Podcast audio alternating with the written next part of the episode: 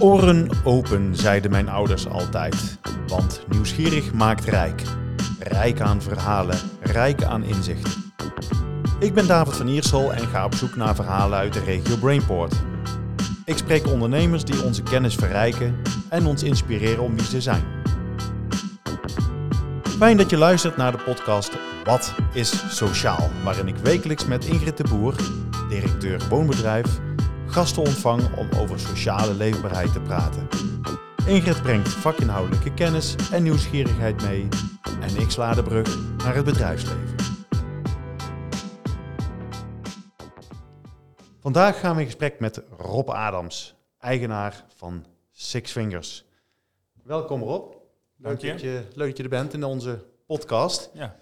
Ehm, ik stel altijd de vraag van eh, wie is Rob Adams? Maar ehm, in jouw geval, ehm, dat wordt eigenlijk een, heel, een hele bloemlezing van wie jij allemaal wie bent en wat je allemaal doet. Hoe kunnen we dat een beetje gezellig eh, houden voor een podcast? Gezellig voor een podcast. Dat kan ik of heel snel praten. Ik weet niet of het dan te volgen is. Of gewoon eh, niet alles benoemen. Je hoeft niet alles te benoemen Nou. natuurlijk. Pak de belangrijkste hoofdpunten. Muziekfreak. Is die, eh, die vind ik best belangrijk. Eh, ja, ooit Six Fingers opgericht, 16 jaar geleden alweer. Zit hier ook in Eindhoven. Is innovatie, de ander noemt ons een ontwerpbureau, een innovatie of ontwerpbureau. We helpen in ieder geval bij complexe vraagstukken die ook altijd een maatschappelijk eh, eh, impact moeten hebben. Dus alleen bijdragen aan winst, daar hebben we niet zo'n zin in. Maar wel gaan kijken hoe kun je organisaties en steden helpen om complexe maatschappelijke vraagstukken op te, anders te bekijken, andere perspectieven op te krijgen en dat doorbraken naar die toekomst te krijgen. Dat veel systemen vastzitten in het verleden of in het hier en nu, die moeten opengebroken worden. Eh, dat is één. Twee, eh, inderdaad, eh, samen met destijds collega Boyd Cohen Happy Citizen Design opgericht. Waarbij we anders zijn gaan kijken naar het thema Smart City. Maar dat zal ongetwijfeld zo aan bod komen. Ik heb een hekel aan het woord Smart City. oh, daar wil ik daar eens over horen dan. dat, en daarnaast ook één dag op de week werkzaam op de TU. Op het gebied bij Industrial Design op het gebied van Systemic Change. Om te gaan kijken hoe kun je systemen openbreken en daadwerkelijk in verandering zetten. En er moet gewoon gigantisch veel gebeuren. En ik vind het leuk eh, om eh, in één week... Als ik kijk naar deze week, ben ik bij eh, nagedacht over hoe 4 en 5 mei anders moet gaan worden in Nederland. Ben ik in Dordrecht geweest, op het gebied van jeugdzorg. net op de TU geweest. Eh, bij een pensioenfonds geweest. Dus zijn hele diverse projecten in met de gemeente Eindhoven om te gaan kijken hoe om te gaan met mobiliteit en de transitie van mobiliteit. Dus ik vind het leukste om in één week zoveel mogelijk dingen mee te maken, omdat eh, ik nogal snel verveeld kan zijn. Ik heb ook 15 boeken naast mijn bed liggen, omdat ik eh, in een half uur goed vier kan lezen. Dus ik ben met heel veel dingen bezig en dingen afmaken, dat laat ik soms ook wel een ander over. Ehm, dat- dat is mooi. Nou, ik, ik vul nog heel even aan op de vraag van eh, wie ben je? Natuurlijk voor de luisteraar. Ehm, maar als ik dan een aantal woorden moet opsommen, dan inderdaad spreker, innovator, boekenschrijver, entrepreneur, omdenker. eh hebben we het wel eens vaker over gehad. Klankbord. Ja, eigenlijk ben jij gewoon eh, een simultaanschaker eigenlijk. Simultaan schaken, terwijl ik heel slecht ben in schaken. Dat ja, maar het, het is de metafoor dan in dit geval. Ah. Toch? Oh, kun je daar iets mee met die typering of niet? Daar kan ik wel iets mee. Alleen aan de andere kant ook niet, want dan blijf je wel alleen schaken. Eh, en dat zou me dan weer vervelen om op tien borden te gaan schaken. Dan heb ik liever een bord schaken, even sjoelen. En eh 15 andere spellen lijkt me dan toch leuker dan op 15 borden al eh, continu schaken. Simultaan Hollandse Spelen. Nou, we gaan het hebben over het onderwerp van vandaag, hè, dus sociale leefbaarheid. Ja, Ehm, nou, om meteen even de spits af te bijten. ehm, ik heb een hekel aan Smart City, hoorde ik net. Ingrid, toch? Dat hoorde jij toch ook, of niet? Dat hoorde ik zeker. En toen dacht ik, nou dat triggert, want dat is nou juist wat ik aan je wil vragen. Wat heb jij met smart cities? Eigenlijk niks, zeg je. eigenlijk helemaal niets, nee. Ik snap wel, eh, de, de term smart city is een, een sales term, ooit bedacht door IBM of een andere. Volgens mij was het IBM, eh, om eh, meer data te genereren en de hele steden vol te hangen met eh, dingen die data kunnen genereren. Sowieso smart eh, relateert aan tech. En tech relateert voor mij aan efficiëntie, efficiency. En volgens mij is het doel van het leven niet zo efficiënt mogelijk er doorheen komen. Althans, mocht ik ooit 70, 80 worden en als ik dan terugkijk op mijn leven, nou, ik heb toch een efficiënt leven geleid. dan denk ik toch dat ik iets verkeerd heb gedaan. Maar zo zijn steden wel ingericht om zo efficiënt mogelijk je te bewegen, te vervoeren, te leven. Als je kijkt naar smart cities, eigenlijk kun je al, als je er historisch naar kijkt, naar die context, zijn er al drie varianten van.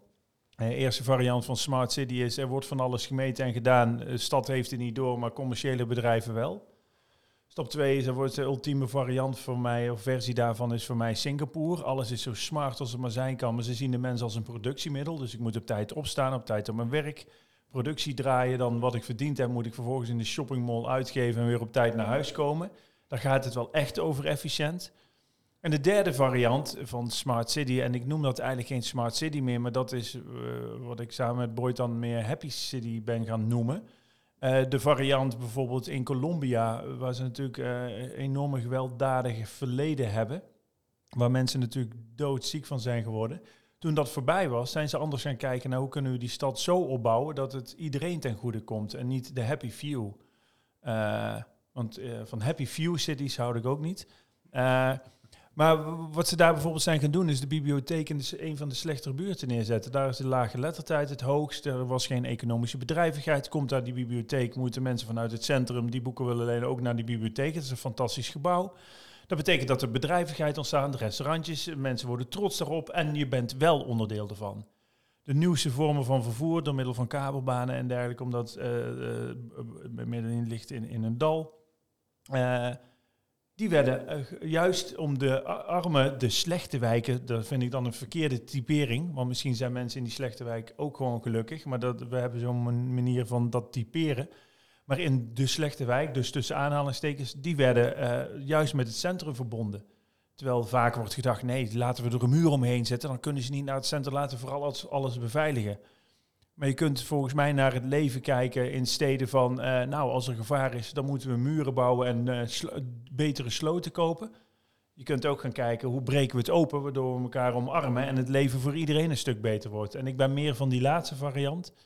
En daarom uh, smart cities, als je ook op in Barcelona op die expo rondloopt, gaat allemaal solution driven en al dat soort taal die gebezigd wordt. Maar, maar het gaat gewoon om het over. Steden moeten geformeerd worden rondom het geluk van mensen. Ja, maar even terug naar jouw voorbeeld. En ik uh, kijk ook uh, naar jou, Ingrid. Want uh, ik vind het eigenlijk wel een hele mooie voorbeeld van omdenken. Hè? Dus een bibliotheek naar een, een, een, een achterstandswijk brengen. Um, nou, even vanuit jouw positie. dat zijn wel vormen die jou moeten aanspreken, denk ik.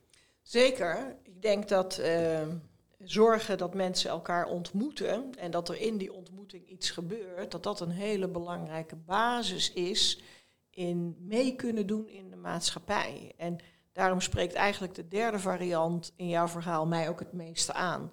Happy city of een happy wijk of een happy bewoner. Ik denk, ja, dat zou je ultieme doel moeten zijn.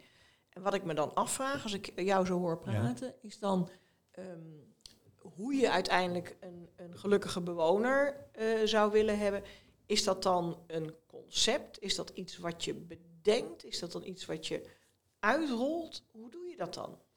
Nee, wat wij hebben gedaan, we hebben veel onderzoek gedaan. En we bedoel ik dan Boyd en ik. En dat is nu een jaar of zeven geleden. Naar wat de parameters zijn die van invloed zijn op het geluk in een stad is natuurlijk afhankelijk van de staat waarin die stad is en de culturele context ook. Als je in Venezuela woont, dan ben je lang blij dat je veilig weer thuis komt. Dus dan is dat belangrijk voor je geluk. Uh, uh, voor zover je dan van geluk kunt spreken, want het is dan wel heel erg broos. En in steden in, in Azië, daar is uh, een schone lucht heel erg van belang de context waar wij in leven, in de maatschappij waarin wij in Nederland leven, is vooral de, de, de, de connectiviteit waarin stad in voorziet een hele belangrijke. Uh, als je hier in Brainport, ik pak dan Eindhoven even als voorbeeld. Ik denk dat het makkelijkste voorbeeld is om nu vanuit te praten. Dan zie je natuurlijk, het, het grappige is, uh, als je op het treinstation staat, dan staat iedereen op zijn mobieltje te kijken. Nul connectiviteit.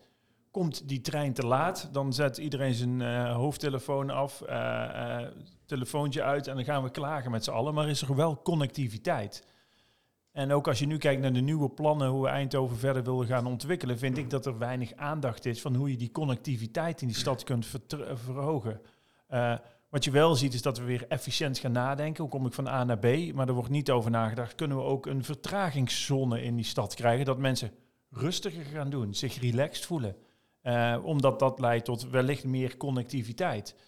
Maar die, die, die, sociale connectiviteit, daar kun je op ontwerpen. En dat is natuurlijk wel ook weer afhankelijk van de mensen waar je mee te maken hebt, uh, wat connectiviteit betekent voor hen. Uh, maar ik vind ook in de plannen die er nu liggen, als je kijkt naar zo'n knopen XL en dat soort zaken, daar gaat wel weer over traditioneel bouwen en traditioneel ontwerpen, vind ik. Terwijl je dan juist kunt als kijken naar die 18 parameters die Boyd en ik gevonden hebben, die echt daadwerkelijk invloed hebben op het geluk van mensen, op de leefbaarheid in de stad, dat je daar beter zou naar moeten kijken. En kun je daar eens een paar van noemen? Die hoef je niet alle 18 te noemen, maar uh, dat zijn er dan wel meteen een hele hoop. Maar... zou ook voelen als een overhoring. Alle 18. Ja, dat is dan, dan krijg je daar nog een speculatie als je ze alle 18 goed ah. hebt. Jij kent ze allemaal. De top 3. Ja. De top 3. Top 3. Nou, de, er is niet zozeer een top 3, want het is dus afhankelijk van de stad waar je naar kijkt en waar het in zit. Ik denk uh, social, uh, die, die, die connectiviteit, dat die belangrijk is. We hebben natuurlijk in uh, Eindhoven een enorme woningopgave. Dus dat je ergens kunt wonen in, in de context waarin jij je prettig voelt, dat is een belangrijke tweede.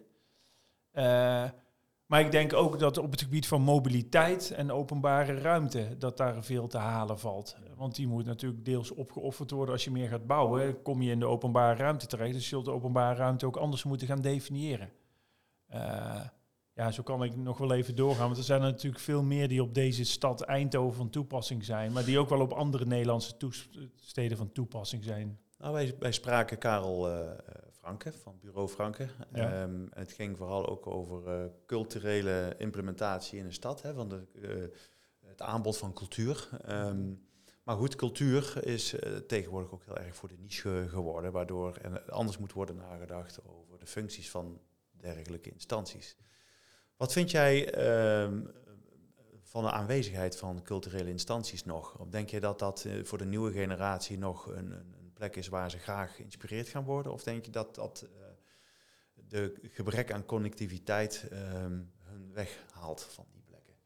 het, het, is ook een groot woord, cultuur. Wat versta je onder cultuur nou, en, en, en, en, wat is het doel van die cultuur? Ja, we hadden het over uh, in dit geval het nat, of de nat, natlab, ja. de, het natlab. Ja. Um, als een, een, filmhuis, annex restaurant. Maar de gemiddelde leeftijd is daar toch echt wel te hoog. Uh, waardoor er uh, weinig contact wordt gemaakt met uh, het Philipsdorp, waar het dus middenin ligt, bijvoorbeeld, of de wijkstrijp. Um, ja, en toch wordt het dus blijkbaar, een, wordt er een drempel opgeworpen, waardoor die mensen elkaar daar niet treffen. Um, is cultuur dan ten dode opgeschreven? En zou dat nog in de happiness-gedachtes van jou, in de parameters, zou die dan terugkomen? Vind het interessant om te stellen dat er een drempel is opgeworpen. Misschien ervaren mensen geen drempel, maar vinden ze het gewoon niet interessant. Hmm, dus je hebt zelf de neiging om te denken, als mensen niet meer in mij geïnteresseerd zijn, dan heb ik een drempel opgeworpen. Het, dan leg je de bal wel netjes bij die ander neer. Volgens mij moet je het vooral bij jezelf zoeken. Als je niet meer relevant bent, dan moet je accepteren dat je niet meer relevant bent. Dan moet je op zoek gaan naar die relevantie. En niet met vingers gaan wijzen van ze weten me niet meer te vinden of er uh, de drempel moet weggenomen worden. En hoe, uh, hoe zou je dat dan doen? Op zoek gaan naar je relevantie? Nou, volgens mij moet je gaan kijken. Uh, kijk, beleidsmakers uh, en ook uh, mensen die met beleid bezig zijn. dat is ook een bepaalde generatie. Terwijl als je dan gaat ontwerpen voor mensen die jonger zijn, is het heel raar dat je die er niet bij betrekt. Dan gaan we denken voor hen of stigmatiseren. Ik vind een drempel opwerken vind ik redelijk stigmatiserend. Want ze zijn er niet in geïnteresseerd. Of ze kijken alleen maar op hun mobiel of wat dan ook. Ja, dat is een gegeven. Dus moet je gaan kijken wat kunnen we ontwerpen waardoor je meer betekenisvolheid voor hen kunt creëren. Dat hoeft niet per se te zijn in een zaaltje twee uur naar een scherm kijken, terwijl ik dat ook op mijn kleine schermpje kan. Uh, dus volgens mij moet je continu op zoek gaan naar die relevantie. En wat je ziet, wat ik vaak zie, is dat organisaties die minder relevant worden, ja, dan moet je het vooral bij jezelf gaan zoeken. En niet gaan kijken van dit ligt aan de omgeving of drempels of wat dan ook. Dus het zoeken van die relevantie, dat is iets van alle tijden. En als je niet meer relevant bent, ja, dan doe je niet meer toe. Dan moet je stoppen. En dat is voor het geheel helemaal niet erg, want dan ontstaan er weer nieuwe dingen. Net als in de natuur. Als, uh, als het ecosysteem. Het ecosysteem. Nou, dat is een interessante, want uh, uh, Ad van Berlo die gaf destijds aan toen de Vrome Dreesman er nog was en nog met een paar tenen in de binnenstad van Eindhoven gevestigd was die zei, zei van het is gezond dat het verdwijnt. Ja, dat Eh, is ook. Want eh, het is niet voor de mensen die er werken, want natuurlijk, het gaat Nee, ook om Dat is arbeidsplekken. jammer. Dat is jammer, maar het gaat om het fenomeen. Het, er, is blijkbaar geen behoefte meer aan een warenhuis. Dus moeten we na gaan denken over een andere invulling van eh, die volume. Ja, maar dat En- is ook gewoon zo. Kijk, we hebben herfst nodig om een mooie lente te krijgen. Als die blaadjes allemaal blijven hangen, dan gaat die boom er heel lelijk uitzien na twee jaar. Als alle herfstbladeren ook blijven hangen. Dus er is helemaal niets mis mee. Nou, ga- gaan we het wat concretiseren. Het is zo dat eh, in de jaren 60, 70, 80 hebben we Woensel Ja. toegevoegd aan Eindhoven. Nou, echt een stadsdeel, 100.000 inwoners. Net zo groot als Den Bosch. Dus dat is nogal wat. Ja. En dat stadsdeel ehm, heeft moeite met zijn relevantie, om maar even in de termen van deze podcast te praten. Dus daar wonen heel veel mensen die er toen zijn komen wonen in grote woningen, maar de kinderen zijn thuis uit. Ja. Wat, wat willen ze? Wat moeten ze? Wat, wat heb jij ideeën over wat je eh, in de toekomst met zo'n stadsdeel zou kunnen doen? Ik heb niet direct altijd het idee, omdat ik eerst eh, een goed gevoel bij de situatie wil krijgen. Omdat je anders met je eigen ideeën van, het zou wel een goed idee zijn, dus laten we dat doen. Eh, want van, ik geloof er ook niet altijd in dat je alles aan mensen moet vragen. Want het is hun taak niet om na te denken. Ja, je hebt altijd over dat je alles moet afstemmen. En daar ben ik het ook niet mee eens. Want je moet zelf ook kunnen creëren en dingen kunnen. eh, maar het is wel interessant van eh, hoe mensen hun leven daar ervaren. Misschien zijn mensen hartstikke gelukkig. eh, weet ik niet. Ik heb daar geen idee bij. Wordt altijd gezegd in een slechte buurt aan het definiëren daarvan aan demografische factoren. Het is te oud of te weinig inkomen. Dat daar het geluk wellicht lager zou liggen dan in een of andere dure villa-wijk. Terwijl in die villa-wijk het aantal scheidingen misschien wel vele malen hoger is. De ouders nooit thuis zijn en die kinderen alleen moeten opgroeien. Dus dat is wel een interessante. eh, eh, hoe ervaren mensen, misschien is die sociale, eh, so- die sociale connectiviteit daar wel vele malen hoger dan als je in een andere buurt gaat kijken. Ik, ik durf daar, daar durf ik even op dit moment niets over te zeggen. Kom, hoe kom je daarachter dan? Door gewoon met mensen te gaan praten, rond te gaan lopen, met de hond te gaan wandelen, bij wijze van. Nee, Ik- niet, niet bij wijze van, dat doe jij. Dat, Dat, weet dat ik. doe ik, ja. Ik vind het leuk om met mijn hond eh, juist door wijken te gaan lopen waar ik nooit kom. Omdat je altijd gesprekken krijgt. Over, het- als je met twee mensen staat, met twee honden, krijg je gesprek. Terwijl als je zo op iemand afloopt, dan ja, die denkt, ja, wat moet je van me? Nou, staan er twee honden bij, dan kun je zo goed 20, 25 minuten met iemand aan het eh, lullen zijn, om het zo maar te noemen. Ja, ja. En dat helpt enorm. Dus, maar dan heb je iets wat eh, connectiviteit geeft. Hey, we hebben allebei een hond. En je opent je allebei en je hebt gesprekken. Nou, je had vroeger in de, in de, de buurt, hè, en dan praat ik misschien eh, van mijn generatie, eh, waar, waar werd nog gewoon op straat gevoetbald. Tegenwoordig zit iedereen achter zijn Playstation. Dat is En, niet eh, waar. Ja, ik zie maar weinig pleintjes nog. Nou, ik, er zijn te weinig pleintjes, maar ik zie waar ik woon, eh, er zijn kinderen iedere dag aan het voetballen. Ja, het is niet dat het niet is, want ik, wat ik wilde... Het is ook ik- een generatie die weer iets zegt over de jonge generatie. zou hè? zomaar kunnen. Dan, zou, dan moet ik even de spiegel in kijken. Maar wat ik wilde gaan zeggen is eigenlijk wat ik heel erg goed vond, is namelijk de aanwezigheid en het implementeren van de Johan Cruijff koorts. Ja. Eh, want die legden hun voetbalveldjes, en daar ging het me eigenlijk om, eh, op strategische plekken tussen twee à drie buurten, eigenlijk Ja. op het snijvlak, Ja. om ook juist die connectivity eh, zeg maar te, te beïnvloeden. En dat vind ik, dat vind ik wel vormen die, eh, die mij dan in ieder, in ieder geval heel erg aanspreken. Ja. Ehm, we zouden eigenlijk meer nieuwe vormen moeten bedenken van eh, op die manier elkaar te treffen. En dan niet zozeer in een trapveldje, maar in andere vormen. In andere vormen. Die vorm kan ook het, op, het ontwerpen van eh, discomfort zijn. Als je een steen in een vijver gooit, eh, eh, of niet in de vijver in de riviertje, gaat het water eromheen. Dus je kunt ook kijken wat zou discomfort kunnen op, opwerpen. Als je discomfort ontwerpt, dan moeten mensen zich daaromheen gaan gedragen. Dus als er geen parkeerplekken zijn, dan ga je anders naar die plek toe. Dat is dan heel vervelend, maar misschien ontdek je wel weer dingen. En je moet ook openstaan voor eh, dingen door te vertragen, vertragingselementen. Een stad is echt ingericht om zo snel mogelijk. Snelheid, efficiëntie is heel erg van belang. Maar waar zit de vertraging in de stad? Als ik ga vertragen, ga ik ook om me heen kijken, wellicht mensen ontmoeten. En, en er wordt altijd, vind ik, eh, met een efficiëntieblik gekeken. Zelfs een openbaar pleintje, dat moet goed onder openbaar ruimte, moet goed onderhouden kunnen worden. Moeten we wel kunnen komen, moeten we bij kunnen knippen. Interessante was in Singapore tijdens de lockdown.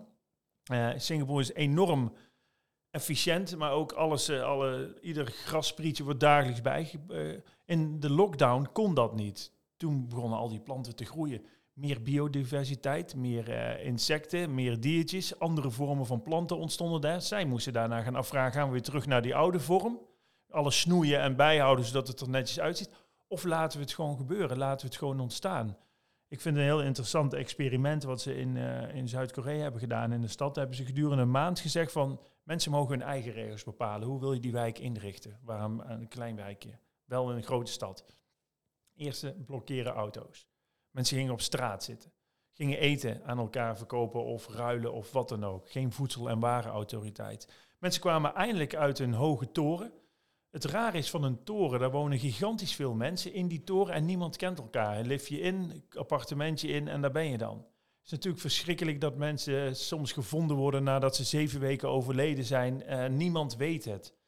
Uh, de eenzaamheid in hoe meer mensen op de vierkante meter zitten, hoe eenzamer het wel lijkt dat we worden. Dus op die manier moet je eigenlijk echt gaan kijken van wat kun je ontwerpen om mensen daar te laten uh, connectiviteit. Waar, waar, ik dan denk bijvoorbeeld is een aanbesteding. Vanuit het woonbedrijf heeft dat gewonnen van 750 appartementen op de TU. Daar hebben we in samengewerkt. Het interessante was, de architect die had meteen het idee, we moeten op een bepaalde manier gaan bouwen. Maar als je gaat kijken naar het gebruik van die toren, wat, die, wat, wat, wat je wil als je net gaat studeren, wil je niet studeren, dan wil je feesten en mensen leren kennen.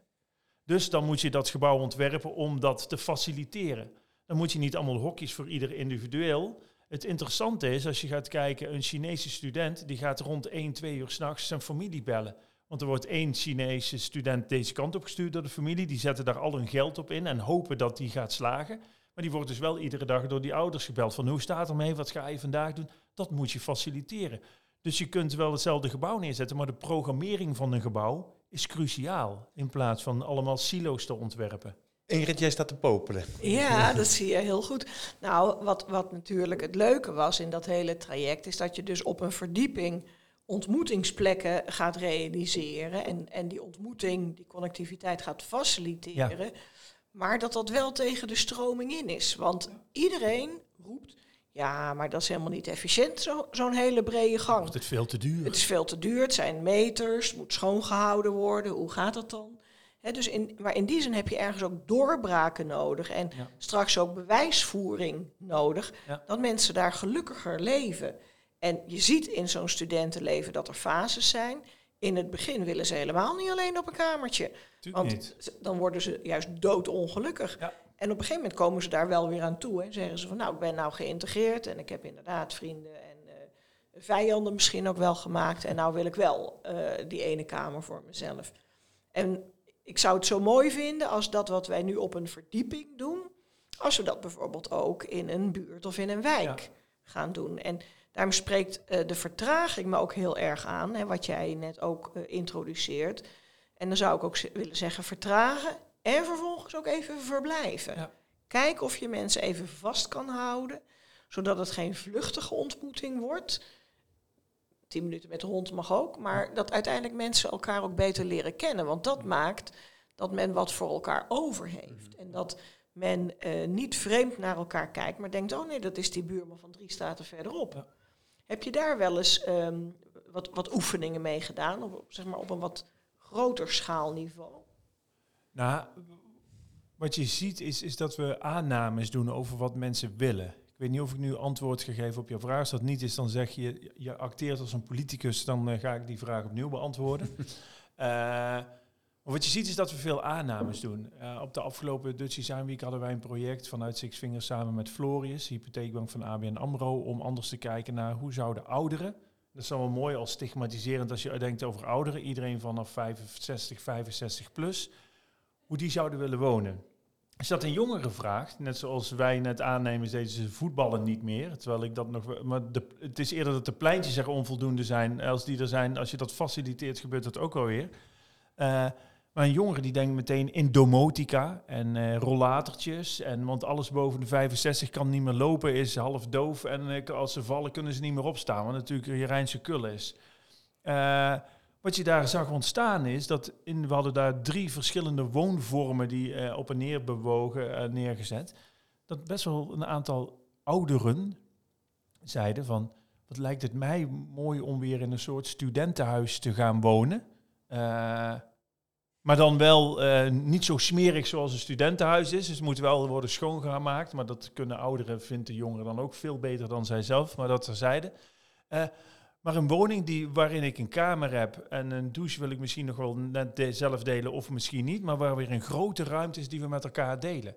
Dan kun je wel gaan kijken hoe kan ik die ruimte zo efficiënt mogelijk invullen. Want dan uh, heb je minder gangen en alles nodig dat daar juist heel veel behoefte bij was. Ontstond een hele leuke gesprek over met mensen die bijvoorbeeld net weduwe of weduwnaar waren geworden. Die zeiden, mij lijkt me hartstikke leuk. En als we dan ook nog twee, drie ook van de Tour de France houden, nou dan zit mijn zomer helemaal gebeiteld. En die woonvormen denken we niet, want wij denken, nou die willen zo lang mogelijk zelfstandig alleen blijven. Er worden heel veel aannames gedaan. En ik besef dat ik helemaal geen antwoord heb gegeven op je vraag. Maar ik ben de vraag ook nu deels kwijt. Ik zit weer uh, hard op te praten. Nou, de, de kunst is volgens mij is dat we dat niet alleen op een schaalniveau van een gang of een complex doen. Maar dat we ook kijken, hoe kun je nou op die manier een goede buurt inrichten. Nou, daarop doorgaan. Uh, bijvoorbeeld in Stockholm is uh, afgelopen jaar een project geweest... waarin bewoners in een buurt hun eigen straat mochten indelen. Uh, dat gebeurde nog met houten schots en zo. Ze konden auto's weren. Wat je zag is dat die auto van 80% ruimte in de straat, als je 20 meter hebt, twee keer twee meter voor ons als mens. Dan mogen we heel dankbaar zijn dat we daar nog mogen wandelen. Dat noemen ze de stoep. Ja, dat noemen ze de stoep. En dan moet je opblijven. Dan heb je twee keer twee meter voor de auto's om te parkeren en 12 meter voor de auto om op te rijden. Dus als je een plattegrond zou maken van een huis volgens die afmetingen, zou zo'n 80% garage zijn ja, niemand wil in zijn huis wonen, wat 80% de garage op één of twee freaks na wellicht. Uh, het interessante is dat we zo wel een straat ontwerpen. Want de auto is uh, het middel wat je voor je deur moet kunnen zetten. Het, uh, grappig is, als je mensen vraagt, geniet je van je uitzicht uitkijkend op je auto? Ja, nee, niet bijzonder. Ook weer op een enkele autofreak na natuurlijk. maar ja, dat mensen zich ook niet kunnen voorstellen hoe het anders kan. Interessant dus in dat experiment in Stockholm, dat mensen die auto tot 10, 15 procent terugdrongen. Ze mochten ook nog maar één kant op rijden. De rest werden bankjes neergezet, werd openbare leefruimte. En natuurlijk het parkeerprobleem werd dan elders uh, anders neergelegd, want er kon niet meer een auto. Daar hoefden ze op dat moment... Maar je zag dat mensen op die manier wel een straat gingen indelen. Parkeerprobleem wordt dan een ander issue, daar moet je dan anders over gaan nadenken. Maar je ziet dat mensen echt enorm goed kunnen spelen daarmee. Maar die vraag hebben we nooit gesteld, want wij zijn de planners van de openbare ruimte en wij weten wat goed voor u is. Voelt een beetje als uh, ja, niet echt democratisch. Het moeilijke is dan wel, als je dat dan voorlegt, bijvoorbeeld, ik heb een discussie gehad met mensen, uh, uh, mensen in de politiek, die dan zeggen, ja, maar als niet iedereen zo'n straat wil, dan kunnen we dat niet doen. Terwijl ik denk, als 98 willen en 2 niet, dan kun je het wel doen, want dat is democratie. Maar dan wordt heel snel in de onmogelijke, iedereen moet wel mee, maar bij vernieuwing is nooit iedereen voor. Je moet het gewoon gaan doen, laten zien hoe het kan zijn. En dan willen mensen misschien nooit meer terug. Ik, ik ervaar altijd het dilemma dat als het uh, over je afgeroepen wordt, jij mag niet parkeren voor ja, de dat deur. Is verschrikkelijk. Dan, wil je, je niet. Da, nee, dan raak je in de weerstand en dan zeg je welke idioot heeft dat nou weer bedacht. Ja. Dat maakt dat beleidsmakers vaak die argumenten gebruiken. Ja. Nee, de bewoner of de, uh, wil het niet. Wil het niet. En uh, het interessante is, hè, er komt uh, tussen Eindhoven en Helmond komt Brainport Smart District, BSD, ja. ook een slimme wijk. En daar voeren we op dit moment, woonbedrijf is daarbij betrokken, het, ja. het gesprek over automobiliteit. Hoe dicht voor de deur moet je parkeren? Hè? Kun je inderdaad parkeerhubs maken? En ik heb gezegd, ja, je zal daar toch wat disruptief in moeten zijn. Want als je dat niet doet, dan verandert het nooit. En nee. wellicht de bewoner van morgen heeft er moeite mee, maar die van overmorgen, die accepteert het gewoon. Ja. Ik heb deze week nog te maken gehad voor een mogelijk project in Zuid-Holland. Er moeten 7000 uh, woningen komen. Er wordt een nieuw dorp. Op het laagste punt van Nederland. Uh, op, uh, op 7 meter onder de zeegrens. onder de, interessant is dat zij zeiden ook van... wij krijgen hier een parkeernorm per huis 2,6. Dat is bizar. 2,6 auto per huis. Maar dat is gewoon heel erg beleidsmatig. Wordt dat dan, zij willen daar, daar ook veranderingen in aanbrengen. Maar zo wordt er nog vanuit beleid gedacht, want mensen willen dat en we worden. Daar kun je het, het heel geïsoleerd. Op die 2,6 auto kun je opklimmen als het water komt. Ja, precies. dat is het idee. Precies. Maar het bizarre is inderdaad dat mensen het prima zelf kunnen vormgeven. En als je tegen mensen zegt, wat stel je krijgt een tuin aan de voorkant van je huis erbij van zes meter diep. Je mag zelf bankjes neerzetten, je mag daar barbecue, uh, natuurlijk niet met houtskool, dat mag dan niet meer. Maar je, je, je, kunt, je, je kunt daarvoor een eten delen, je kunt buiten zitten. Je krijgt in plaats van je kleine tuin aan de achterkant, krijg je 6, 7 meter aan die voorkant erbij. Uh, we zullen bankjes plaatsen, we schommeltjes, uh, een, veldje waar wel gevoetbald kan worden. De auto mag er nog wel komen, net als in een bungalowparkje. Maar je mag je boodschapjes uitzetten, maar je zet hem daarna elders neer. Maar dit is wat je er allemaal bij krijgt. Dat is een hele andere vraag dan iemand die zegt, jij zult hier niet meer parkeren. Ja, bij alles wat niet mag, uh, ga ik ook denken van, oh nee, dat zullen we nog wel eens zien. Dus je moet denken, welke waardes kun je toevoegen aan het leven? En daar moet je dan iets voor laten. Dat is iets anders van dat je dit niet meer mag. Wij gaan richting het einde van deze podcast en die vliegt uh, voorbij, wederom. Ik vind het wel heel erg leuk om, ehm, maar dan moet het echt even kort gebeuren, Rob. Um, en het is, misschien zet ik je meteen met de rug tegen de muur.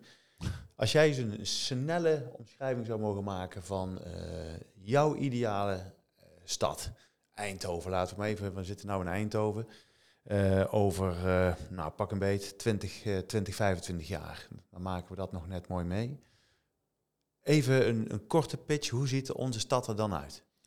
Ik denk dat we teruggaan naar hoe het was voor de, wellicht die industriële revolutie. Zie je nu, toen was de sociale component van de stad heel belangrijk niet voor industriële revolutie, ik ga veel te ver terug. Daarna zag je dat efficiëntie denken aan de intrede van de auto heel erg belangrijk was. En ik denk dat we weer teruggaan naar die sociale variant. Uh, mij lijkt het ook mogelijk dat mensen hun straten deels zelf kunnen indelen en dat dat flexibel zou kunnen zijn. Want ik wil in de lente mijn straat anders gebruiken dan in de winter. Uh, dus in mij, als ik een beetje ga dromen, dan zijn het compartimenten waarmee geschoven kan worden. Uh, waarin diversiteit omarmd wordt. En dat bedoel ik niet politiek correct, maar ik geloof erin dat juist diversiteit in een wijk eh, tot meer lol leidt. Omdat je ook eh, af en toe verrast wordt en andere dingen ziet. Uh, dat die homogeniteit daarmee ook deels zou kunnen verdwijnen. En ik geloof overigens nooit zo in dat je zo ver in de toekomst kunt kijken. Dat zou meer mijn ideaal zijn. Maar je weet dat die toekomst toch anders gaat zijn dan hoe wij hem nu voorzien. Want wij voorspellen de toekomst op basis van onze ervaringen tot nu toe uit het verleden. er zullen altijd nieuwe ontwikkelingen in gaan plaatsvinden. Maar ik verwacht wel dat die sociale componenten, houtbouw ook, daar roepen we nu over. Maar er staat in Edam een hout, houten huisje. Dat is al 500 jaar oud, wonen nog steeds mensen in. En wij vragen op dit moment eens af, ja, maar houtbouw, kan dat wel? Lukt dat wel? Staat er al 500 jaar, wonen nog steeds mensen heel blij in. Dus je ziet ook van hout zijn we naar betonnen systemen overgestapt, naar dingen die uh, zo efficiënt mogelijk snel moet bouwen. Terwijl snel, het duurt 7, 8 jaar eer je die vergunning hebt, dan ben je al een aantal jaren verder. Terwijl we deden dat toen ook. Dus ik denk dat we ook wel heel veel kunnen leren van hoe we het uh, stiekem 200, 300 jaar geleden deden. Dus misschien moeten we niet vooruitkijken, maar net zo goed terugkijken. Nou, dat is een, uh, een mooi slotakkoord op deze podcast, Rob. Dank voor jouw inzicht en het delen van jouw kennis. Tot zover deze aflevering van Wat is Sociaal? Dank voor het luisteren. Blijf ons volgen op LinkedIn en Instagram en deel vooral je luisterervaring, zodat ook jij anderen inspireert.